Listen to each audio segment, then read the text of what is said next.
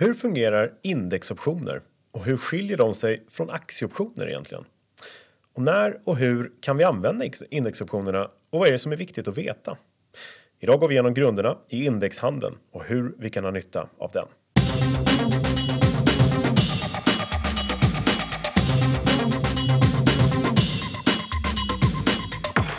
Välkommen till Optionspodden.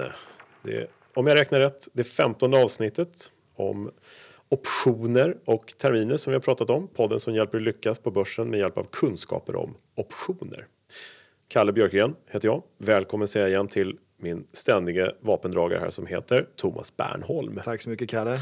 Det känns nästan lite tjatigt här. Ja, det gör jag. Jag känner mig väldigt formell i den här Alltså att bli presenterad, det är det jag menar? Ja, ja, ja, Inte innehållet? Ja, jag förstår. Jag mm. förstår. Mm, nej, men eh, det känns kul att köra vidare med Verkligen. ytterligare ett avsnitt. Ja. Det känns som det är bra liksom, um, kontinuitet i det här på något alltså, sätt. 15 avsnitt är inte fy skam. Nej, det är det inte. Sen när vi har gjort 150 då kanske folk har tröttnat på oss för länge sedan. Det har de nog redan gjort. Mm. Men det, det, är kul, det kommer ju en hel del eh, effekter av att man skapar en podd. Det är, det är lätt att lyssna på poddar verkar det som och folk tar till sig kunskaper och är glada för det. Och det kommer även lite förfrågningar på mm lite nya saker, eller hela tiden nya saker. Som vi försöker ta till oss förstås, och så även idag. Just det. Förut var det terminer också, ja. var på förfrågan också. Det var det, men nu ska vi prata om indexoptioner. Lite grunder, ja, eller ja, grunderna helt enkelt i hur vi kan använda dem och varför de finns och lite sådär. Och eh, ja, det, det kommer ju lite tillbaks hela vägen till ja, vår syn på aktieportföljen, men det kommer vi till. Ja. Uh, Indexoptioner alltså? Mm, precis. Och vad är då index? Vi börjar på den lilla enkla. OMX S30, har du hört talas om det någon gång? Ja, några gånger i alla fall. Ja, det är listan på Stockholmsbörsen som visar de 30 mest omsatta aktierna. Det Just tror jag de flesta som lyssnar faktiskt har koll på vid det här laget. Och då är det ju som så att det finns ju ett terminskontrakt att handla med det här indexet som underliggande. Mm. Som man, någon beskrev som att handla den terminen, det är som att handla en aktie som återspeglar värdet av alla bolag. Så det betyder att om du vill spekulera bara i börsen i sig så köper du det här kontraktet, indexterminskontraktet. Mm. Går börsen upp, ja då tjänar du på det. Går börsen ner, ja som vanligt då tjänar du inte så mycket på det. Mm. Men du kan faktiskt sälja kontraktet också. Exakt, och tjäna på nedgången. Just precis. Uh, och uh, ja, men det här, vi har ju faktiskt haft ett helt avsnitt om indexterminer så vi ska hålla det ganska kort. Ja, precis. Uh, ju... Så vi kastar oss över optionerna istället? Mm. En bra sak att bara nämna om den här terminen är ju det här att Eh, det är ju kontantavräkning när det handlar om index. Mm. Det vet vi om sen mm. Eh, terminsavsnittet. När det gäller terminen så är det ju daglig avräkning. Det händer någonting på kontot varje dag när det gäller indexterminen. Uh, och vi kommer till det om ett litet tag, men det är bara i terminskontraktet det sker, att man räknar av dagligen, precis varje dag. Så att vi inte uh, blandar ihop det med något annat. Just det. Så det är väldigt aktivt när det gäller terminen. Men då går vi in på OMX S30-indexet och optionerna som handlas på det indexet. Mm. Och eh, ja, vad är skillnaden på en option och en option? Som det var precis det jag skulle fråga dig. Ja, just det. vad är egentligen skillnaden? Eh, vi har ju faktiskt i de tidigaste avsnitten förklarat att det finns eh, två varianter av optioner. En amerikansk option och en europeisk option. Just det. Och Ja, vill du ha den äran att berätta skillnaden mellan de två varianterna? Det kan vi göra mycket kort. Den ja. amerikanska optionen som alltså aktieoptionen är, mm. där kan du begära lösen när du vill som innehavare. Just det. Och du kan bli löst om du har utfärdat optionen. Just det, mm. precis. Om innehavaren så önskar. Just det. Och sen så får du alltså leverans av underliggande aktie. Mm. Det är då eh, den amerikanska optionen. Den europeiska, mm. där kan du inte begära lösen. Nej. Utan den är kontantavräknad som du sa. Ja. Och det regleras alltså på slutdagen. Just det.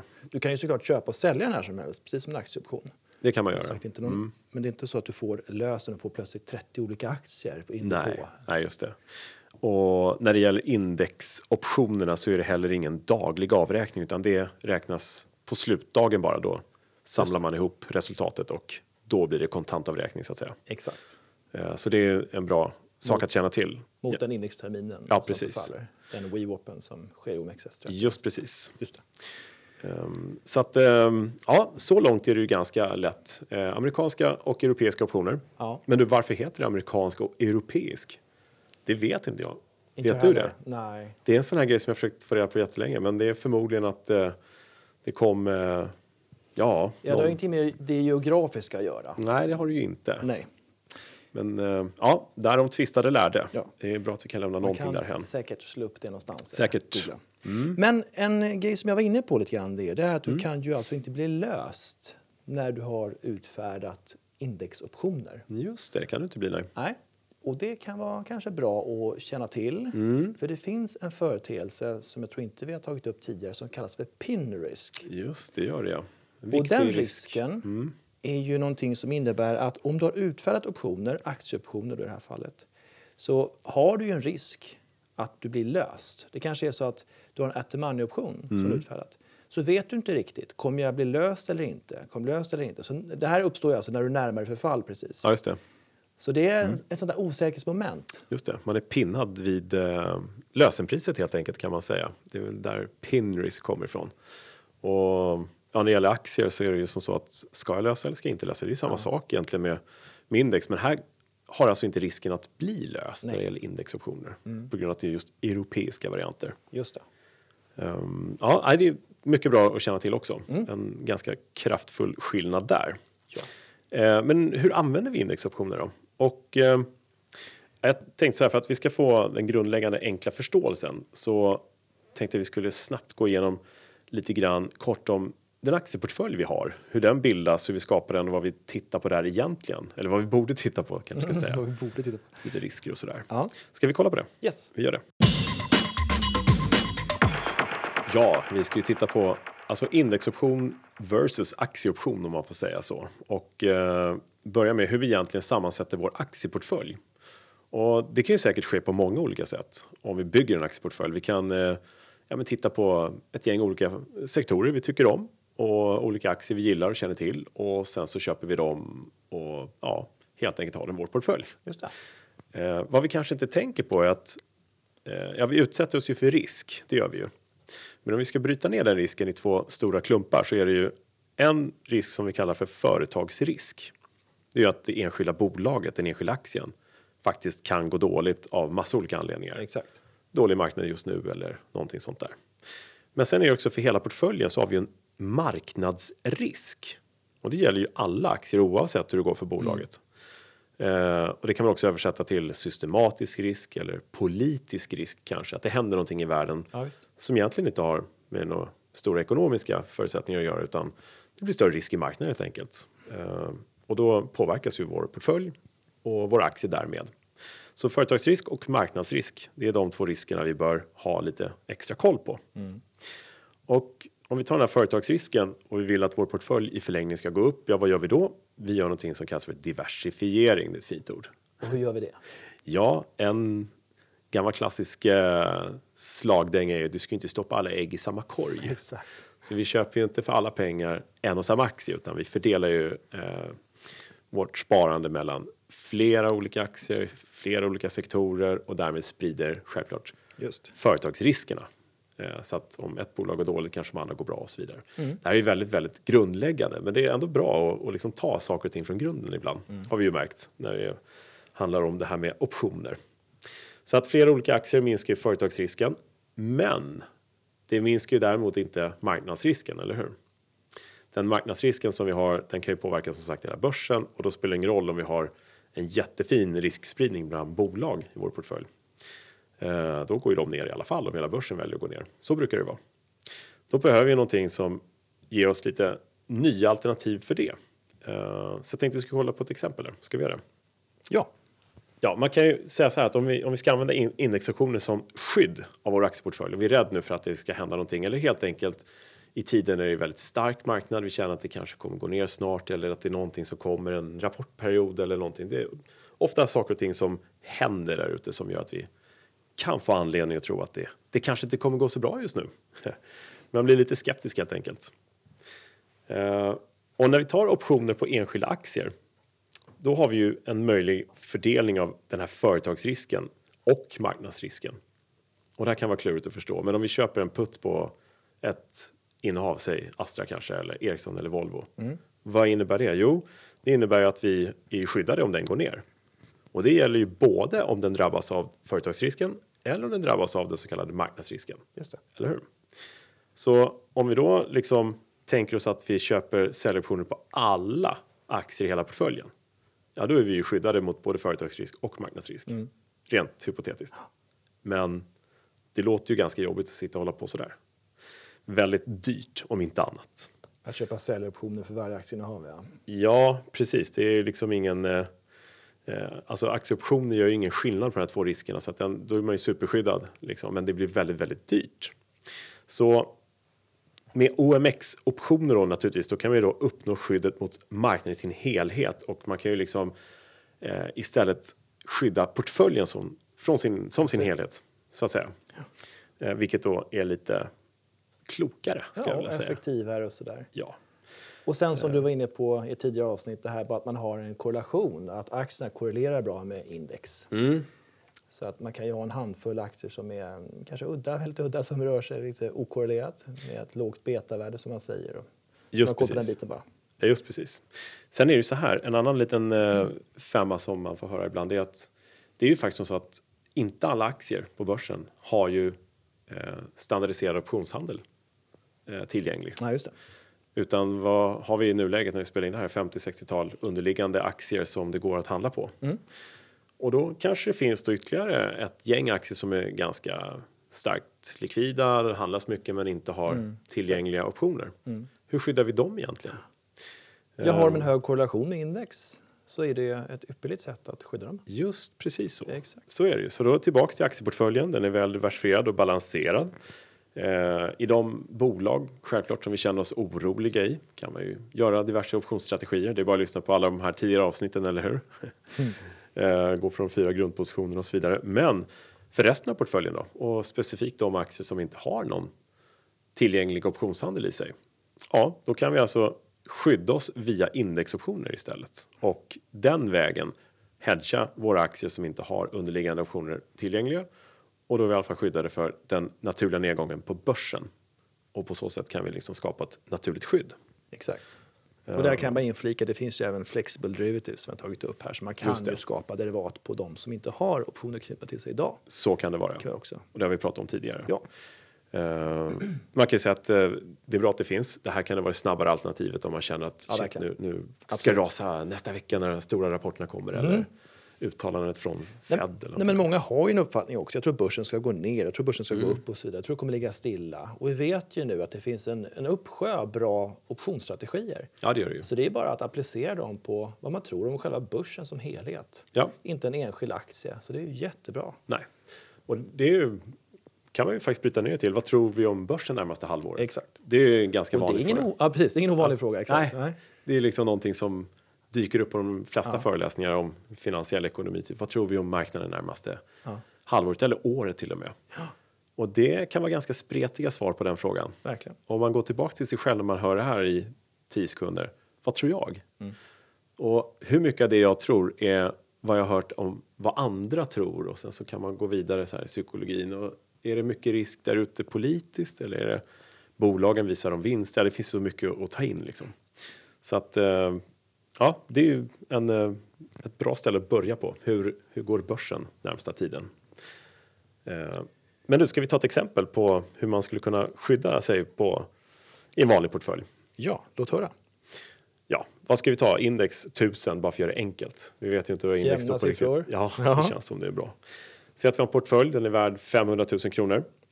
Eh, vi det Exemplet ska... låter lite bekant här. Det är Ja, bra. vi kör Ja. samma siffror så att det Yes. inte ska bli så svårt att hålla isär alla parametrar. Ja, index står i 1000, vi har en portfölj som är värd 500 000. Om vi nu tror att det här ska gå ner, vi är lite oroliga för den så kallade marknadsrisken. Då kan vi helt enkelt köpa en put, en säljoption. I det här fallet lösenpris 1000, at the money put. Och här kan man ju välja lösenpris själv naturligtvis. Man kan ju ta lite längre ner också om man Verkligen. vill ha lite billigare skydd sådär. Men i det här fallet kostar premien 20 kronor kan vi säga för den putten. Ja. Vi köper fem stycken säljoptioner här. Och underliggande multiplikator är 100. 100. Så fem stycken kontrakt. Och sen så har vi index på 1000 gånger 100. Det är alltså 500 000 gånger de fem kontrakten 500 000. Precis som vår portfölj. Just det. Och så ska vi nämna då att portföljen kanske inte är exakt liksom, följande av OMX30-index. Men en väl diversifierad portfölj liksom följer index hyfsat, får man väl säga. Så i det här fallet har vi skyddat vår portfölj från 1000-nivån och ja, sover lite bättre till imorgon om det skulle gå ner helt enkelt. Eh, och det är helt enkelt, då är vi skyddade från 1000-nivån på index och neråt helt enkelt. Så fort det går ner därifrån så kommer vi ju kommer pengar börja liksom ticka in i optionskontraktet och vi kompenseras från förlusten i portföljen. Det här är ju egentligen ganska elementärt skulle jag vilja säga. Eh, Absolut, men det skadar inte med ett exempel. Nej, men det är ju inte det. Det gör inte det. Och dessutom om eh, börsen går upp här istället då. Vi har skyddat oss för nedgång, men det fortsätter upp. Ja, då är ju den här premien återbetald någonstans vid 1,5-2 procents uppgång. Just det. Och sen så är vi fullt exponerade i portföljen uppåt. Och så länge optionskontraktet lever, alltså vi skyddade på nedsidan. Ja. Ja. Ja, men visst. Och det här var en så kallad protective put, eller hur? Ja, Ja. fast på index. Precis. Så att ja, de flesta strategier funkar ju faktiskt. Och det här är ju en av de grundläggande de fyra grundpositionerna som vi har pratat om på aktier tidigare. Och naturligtvis funkar det även på index. Exakt likadant. Men med lite olika liksom, anfallsvinklar eller synsätt på våra risker helt enkelt. Så det är så. Men du, eh, ja, ska vi titta på lite andra strategier helt enkelt? Se vad vi kan göra, hitta för spännande där. Ja. Ja, vi gör det. Ja, det, det finns ju mängder med strategier naturligtvis som vi kan göra även med indexoptioner. Eh, vi har ju tidigare avsnitt, eller hur, gått igenom ganska många fina strategier när det gäller aktieoptioner. Eh, och det finns ju förstås samma strategier och eh, med lite annat tänk. Ja, man, det, det, är man kan så, göra. det är väldigt snarlikt ska man säga. Det enda kanske om, som när du kör um, aktieoptioner, du kanske Mm. utfärdar en putt för att kunna köpa aktierna billigare. Ja, det, och det gör man kanske inte planerat här. aktieköp som jag precis. pratat om. Och, Ja, så det, precis. det är ju inte gångbart här riktigt. Nej, det, man får ju eh, vinkla lite. får aktierna, precis. Ja, men det är kontantavräknat. Liksom, Ja, så så det det är blir väl så här annorlunda. mindre skillnader, men alla strategier är ju tillämpliga skulle jag säga. Ja, men visst är de väl det Ja. på sitt sätt. Man, man kan ju sen bara orda om att man kan ju utveckla det här. Det här är ju väldigt grundläggande men väldigt bra att känna till. Mm. Men man kan ju ta indexhandeln till väldigt hög nivå när det gäller trading. Vi kan sitta och spekulera på ett annat sätt i volatilitet och skevhet och sånt där. Ja. Det kommer vi till kanske i avsnitt längre fram. Eller det gör vi. Det kommer vi komma till. Ja. Men eh, när det gäller vanliga strategier då? Kan du nämna några bra saker vi kan Absolut, hur många får jag dra? Ja, vi har väl eh, två, tre timmar på oss. Ja, nej men jag tänkte så här, spinna vidare. Du, du Mm. pratar om en protective put. Just det. Och jag menar, säg att du har en indexportfölj. Det vill säga du har aktier som korrelerar med index. Ja. Så kanske det är så att nej, men du känner nog att det är lite osäkert och du står i begrepp att sälja de här. Mm. Då kan du göra det och så köper du en köpoption istället index. Bara en kol på indexen. Precis. Mm. Och då vet vi, om man lyssnar på syntetavsnittet, Mm. att, att köpa en kol, Ja, naket så att säga, ja. är samma sak syntetiskt som att ha underliggande termin eller aktier och köpa puttar på det. En protective put är samma Exakt. position egentligen som en köpt kol. Ja, just det. Då får man gå tillbaka till syntetavsnittet och Precis. lyssna. Men det kan vara en bra grej. Då har du begränsat din risk Mm. Just till det. den premie som du betalar för den här Ja. indexköpoptionen. Just det. Eh, Och om du är beredd att sälja dina vad ska man säga, indexrelaterade tillgångar, om det är portfölj Ja. eller om det är en termin eller om det är Ja, det, det kan ju faktiskt vara som så att eh, man har gjort en bra vinst på portföljen. Man behöver eh, kanske en del av portföljen eller pengar i portföljen till en annan investering just nu. Men Mm. man vill vara med på börsen fortfarande. Precis. Ja, då kan man ju ta en liten del av eh, de likvida medel man får och köpa en kol. Så är man med ändå. På samma sätt. Och då råder man bot på den här girigheten som oftast infinner sig. Man kan faktiskt vara med för en, för en mindre investering Ja, också. just den är fantastisk. Ja. Vi kan sälja men vi är fortfarande med. Det är lite Ja, äta kakan och ha den kvar. För, exakt, för en Den möjligheten insats. är bra. Men jag menar, vi talar ju index nu också där. Mm. Och jag tycker inte man ska glömma heller Sverigefonder, indexfonder och Ja, sådär. Som har väldigt hög korrelation. Många är inne i och äger också, eller hur? Vad sa du? Det är många som äger eh, indexfonder Verkligen. och, Ja, eh, verkligen. och inte gärna vill sälja dem heller kanske. Så kan Även vara. om börsen Haft är lite skakig och så. Man har haft dem många, många år. Mm. Och då kan man vilja skydda en sån också. Sådär. Ja. Men sen, som jag säkert har sagt tidigare, min lilla favorit är ju faktiskt en ratio spread mot innehav. Ja, ja. Det är en fantastisk Och, strategi. om vi får omnämna den igen så tycker jag vi kan göra det. Ja. Och som vi sa här, så du kan ju faktiskt tänka att du har köpt en indextermin. Ja. Du kan ha en portfölj som korrelerar med index. Mm. Eller en Sverigefond. Exakt, en Sverigefond. Ja. Så de tre möjligheterna har du ju faktiskt. Om, om du Ja. har det utgångsläget Ja. så kan du ju faktiskt applicera ratio spread mot innehav. Och, och låt oss ta nu att index står i 1000. Som du Vad ger den för effekt? Den här? Ja, vad ger den för effekt? Ja. vi säger så här då. Grund, grundförutsättningen. Du är positiv. Mm. Mm. Svagt positiv kan man säga. Och du tror att det kommer gå upp några procent. På börsen så att säga? Ja, på börsen. Ja. Index kommer upp några procent. Just det. Och nu ska du etablera en, en strategi som Mm. ger dig en högre avkastning Än börsen? än börsen. Du vill slå börsen helt Ja. enkelt? Och hur mycket ska vi betala för den? Ja, det är så lite som möjligt skulle jag vilja säga. Mm. Kan man säga- betala noll kronor? Jag tror vi kan försöka göra det faktiskt. Det är det som är lite fint här. Ja, jättefint, eller hur? Vi betalar ingenting. Nej, konstigt. Nej, men så här Det är det. bra pris. Mm. Ja, vi, vi säger att index står i 1000 som du sa, Kalle. Ja, och där köper vi köpoptioner. Ja, Och sen vid, låt oss säga 1040, mm, 4 procent upp. ja, Mm. där utfärdar vi köpoptioner. Och inte bara utfärdar köpoptioner, utan vi, vi köper en köpoption vid 1000 Ja. och så utfärdar vi två vid 1040. Mm. Därav namnet ratio. Precis. ratio. En mot två, ja. Och låt oss säga då att i det här läget, vi kanske har en indexfond eller en Sverigefond Mm. i det här fallet, som är värd ungefär, den är värd ungefär 100 000 kronor. ja. Och effekten vi får här är att vi köper den här första optionen, mm. lösenpriset 100, Ja. för vi säger att premien är 20 kronor. Löspris 1000, ja. Mm. Och så utfärdar vi 1040 köpoptioner och där säger vi att priset är 10 kronor. Då köper jag för 20 och så utfärdar jag 2 gånger 10, 20. Mm. Bra där har vi pris. det, plus minus noll som du sa. Härligt. Så jag tror vi fick till det där. Ja. Och effekten då blir ju att går börsen upp lite grann, några procent som vi sa, till eh, 1040, Mm. Då har vi alltså genererat en vinst på vår fond. Just det, det har vi. Så den eh, ligger där och tickar på. Ja, 4 procent upp där ja. ja, Ja, det är väl 4 000 kronor. det stämmer. Och vår lilla kol här då? Den har också gått upp. Just det. Vi säger att det här är slutdagen. Ja, Ja, då är den också värd 4 000 kronor. så det är två uppgångar Två uppgångar. i samma veva så att säga. Ja. Och om det stänger på 1040, det vore optimalt verkligen. Jaha. Ja, då är våra utfärdade köpoptioner på index, våra två, värda ingenting. Värda Nej, just det. De är för högt upp. Det är ingen som vill lösa in dem eller de kommer inte lösas in till någonting. Just det. Nej. Och hade vi bara haft kvar indexfonden hade vi gjort 4 000 kronor i vinst. Nu gör vi 8 000 kronor i vinst. Dubbelt alltså. Ja, och för det har vi- har vi inte betalat någonting extra. Nej, Vad är då haken som du brukar säga? ja, precis. Det är haken. Det, ja, precis. Det, bra finns hake. såklart en hake. Och det är det att går det upp över 1040 Ja, där begränsar vi oss. Så vi, vi kommer inte tjäna mer än... Alltså 1040, det är Ja, det optimala för det oss. är taket kan ju säga va? Exakt. Men inte desto mindre så är det så att det är först vid 1080 som det hade varit bättre att avstå från att etablera den här optionsstrategin. Ja, just det. Men man kan säga så här att eh, även om det går över 1080 så kommer det först gå över 1040, eller hur? Det borde det göra. Hoppa inte över liksom. eller hur?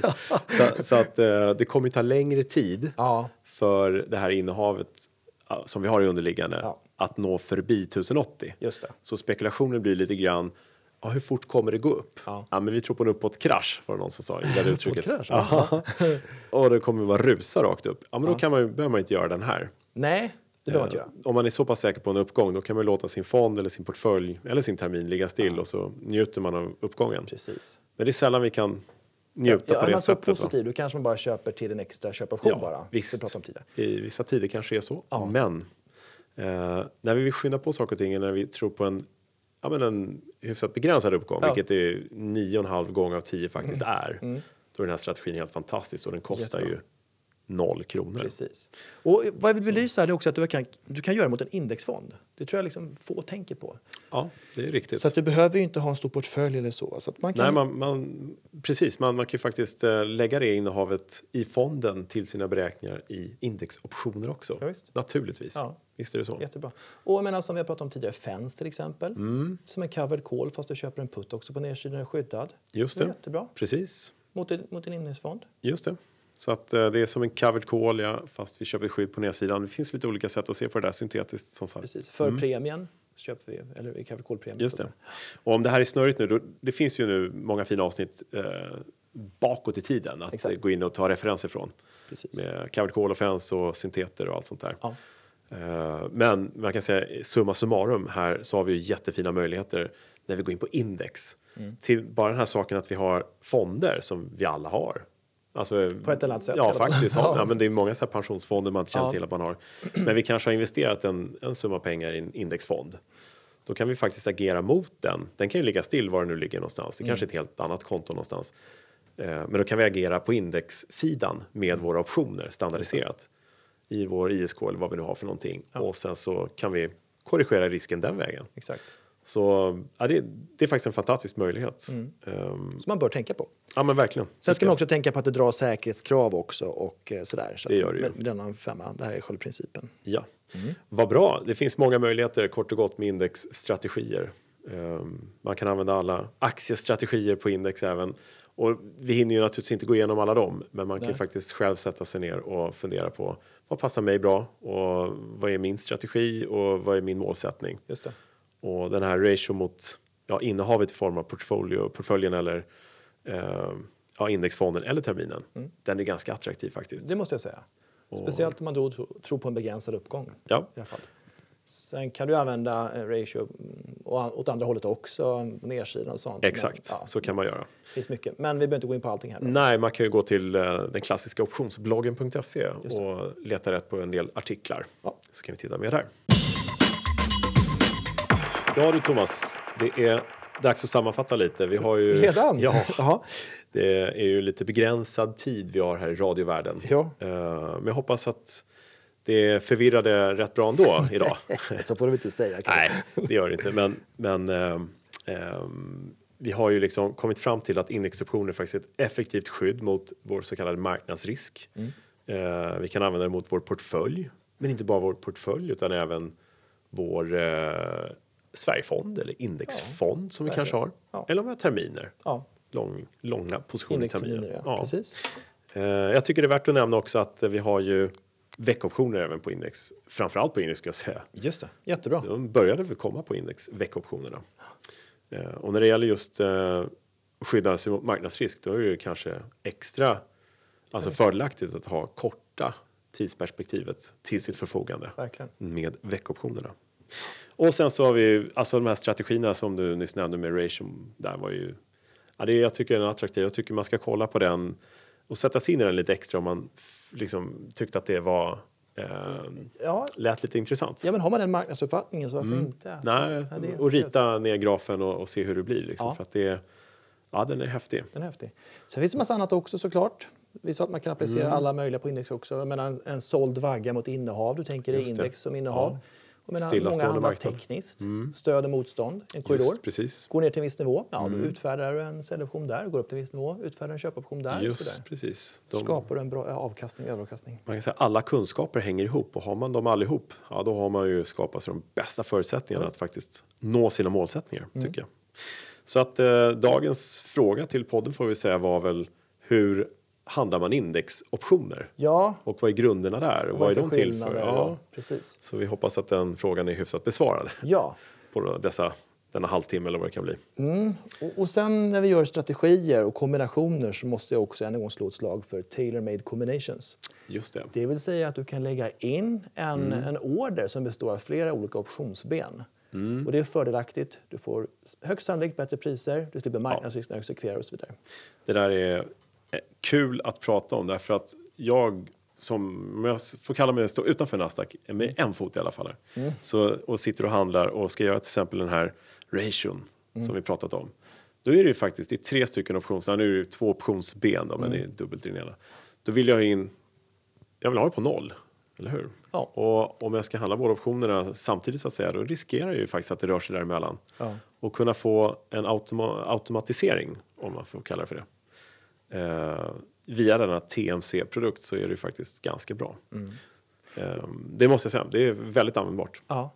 Och det märkliga också är när man gör just kombinationer själv i marknaden så är det så att får du, alltså em, du blir fylld så att säga, du får en order genomförd på ett optionsben Ja, så är det ytterst sannolikt att marknaden går åt fel håll för. Ja. Det är ju så. Ja, faktiskt. Ja, för att, jag menar, är det en positiv prisbild förresten, Ja. Mm. exempelvis, så kanske du köper en, kol- en köpoption. Mm. Ja, och får du på dig den, Då går det neråt va? då går det neråt och då får du inte lika bra betalt för den du ska utfärda. Nej, Så det, det finns... definitionen av execution risk faktiskt. Exakt.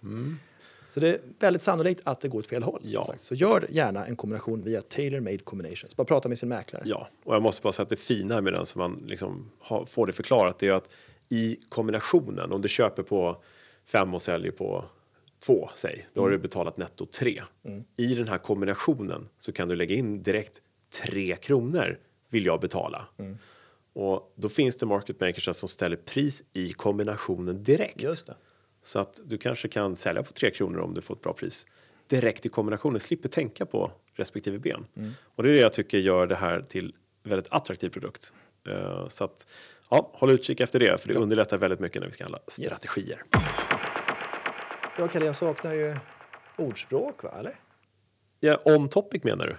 Off topic eller on topic? Nu kör vi on topic, eller hur? Vi, vi kom fram till det förra avsnittet, tror att eh, det är ju on topic allting hela tiden. Konstigt. Vi Men det- valde alltså ordspråk med omsorg, verkar det. Ja, nej, självklart så att eh, ett ordspråk eller citat även idag av en mycket välaktad herre som heter Lee Iacocca. Jag älskar det namnet. Eh, han sa så här. Even a correct decision is wrong when it was taken too late. Ja, så sant. Visst är det väl sant? Ja. Det är alltså så här, vikten av en god plan och när man ska ta sin action. Ja. Stopp-loss-nivåer och så vidare och så vidare. Beslutet var riktigt, men det togs för sent. Ja, Ja, precis. Och det ligger så mycket i det när det gäller våra optioner och lösenpriser och Ja. alltså hela spektrat där. Alltså köper vi en, en säljoption som en försäkring på börsen. Ja. Ja, det spelar ingen roll om vi försenar med att sälja aktierna Nej, eller sälja den enskilda aktien eller. Eh. Men annars, mm, Det där var vi väldigt- skulle köpt den där putten. Ja, det var väldigt gångbart generellt i livet också, det där ordspråket måste man säga. Ja, men det är det ju faktiskt. Så man ska bli lite så här super off topic faktiskt. Nåja, nej, men glöm inte till de här slutorden här då. Optionsbloggen.se finns det mer info. Eh, optionspodden.se om man vill lyssna på tidigare avsnitt. Till, länka till eh, Acast och till eh, iTunes och så vidare. Eh, även på optionspodden.se så kan vi, eller ni, lämna till oss feedback på det ni tycker är bra. Är vi för röriga? Pratar vi för tyst? Eller vad det nu är. Lyssnarnas ord är ju vår lag. Eh, ja, jag finns ju även på Twitter. Snabel A, C Björkegren i ett ord. Eh, uppdaterar lite info om marknaden som jag hör, ser och eh, ja, vill dela med mig av. Eh, I övrigt så, ja, kurser kan man ju kolla på också, optionspodden.se. Eller. Optionsbloggen.se. Ja, vad så, ja, just. Optionspodden.se. Ja, det är så många hemsidor. Ja. Optionsbloggen.se och så finns det avsnittet kurser där. Där står allt eh, uppdaterat och sen så finns det även under Nasdaq OMX Nordic snedstreck optionsutbildning. Men det är väldigt många bokstäver. Nordic.com till och med, snedstreck optionsutbildning. Så är det. Om man ska noga. Men det finns info om kurser. Håll utkik efter dem om man vill lära sig mer. Och eh, det finns ju från ja, höst och vår kurser här på Nasdaq som är kostnadsfria subventionerade av dig Thomas. Ja, inte mig personligen i alla fall. Ja, Det hade blivit dyrt att jobba här då. Ja. Nej, men precis. Det, det tycker jag absolut ni ska kolla på. ska man ta tillvara till. på. Vad, jag är lite nyfiken bara, Kalle. Mm, Du kommer bjuda in lite fler. Jag, menar, jag är jätteglad att jag har varit gäst här länge. 15 Mm, avsnitt, det. va? Ja, det? det stämmer. Eh, Men du kommer bjuda in lite nya personer också? Det stämmer. Eh, vi har utlovat sen start egentligen att vi ska prata med lite marknadsfolk. De som verkligen sitter och trycker på knapparna och påverkar vår börs. Mm, Spännande. Så vi ska träffa ett antal eh, mäklare och handlare vad direkt kul. från eh, golvet och eh, höra vad de säger, vad de tycker, vad de gör och vad deras tips är för att man ska bli bättre på att handla och ja, lite andra synvinklar helt enkelt än bara våra små trånga små vinklar på saker. Så Ja, det, det kommer. Det är Vad kul. väldigt nära förestående kan Ja. vi säga. Roligt. Men jag hoppas ju att du återkommer också förstås. Eh, återkommer gärna. även nästa avsnitt till och med kanske. Eller ja, kommande avsnitt. Jag ska hålla utkik efter en inbjudan från dig. Mm, den kommer. Men du, eh, fram till dess, tack för idag Tack så mycket. igen. Eh, att ni och- lyssnade. Ja, tack för att ni lyssnade. Vi hörs. Ja. Toppen. Bra. Tack. Hej. Tjena, hej.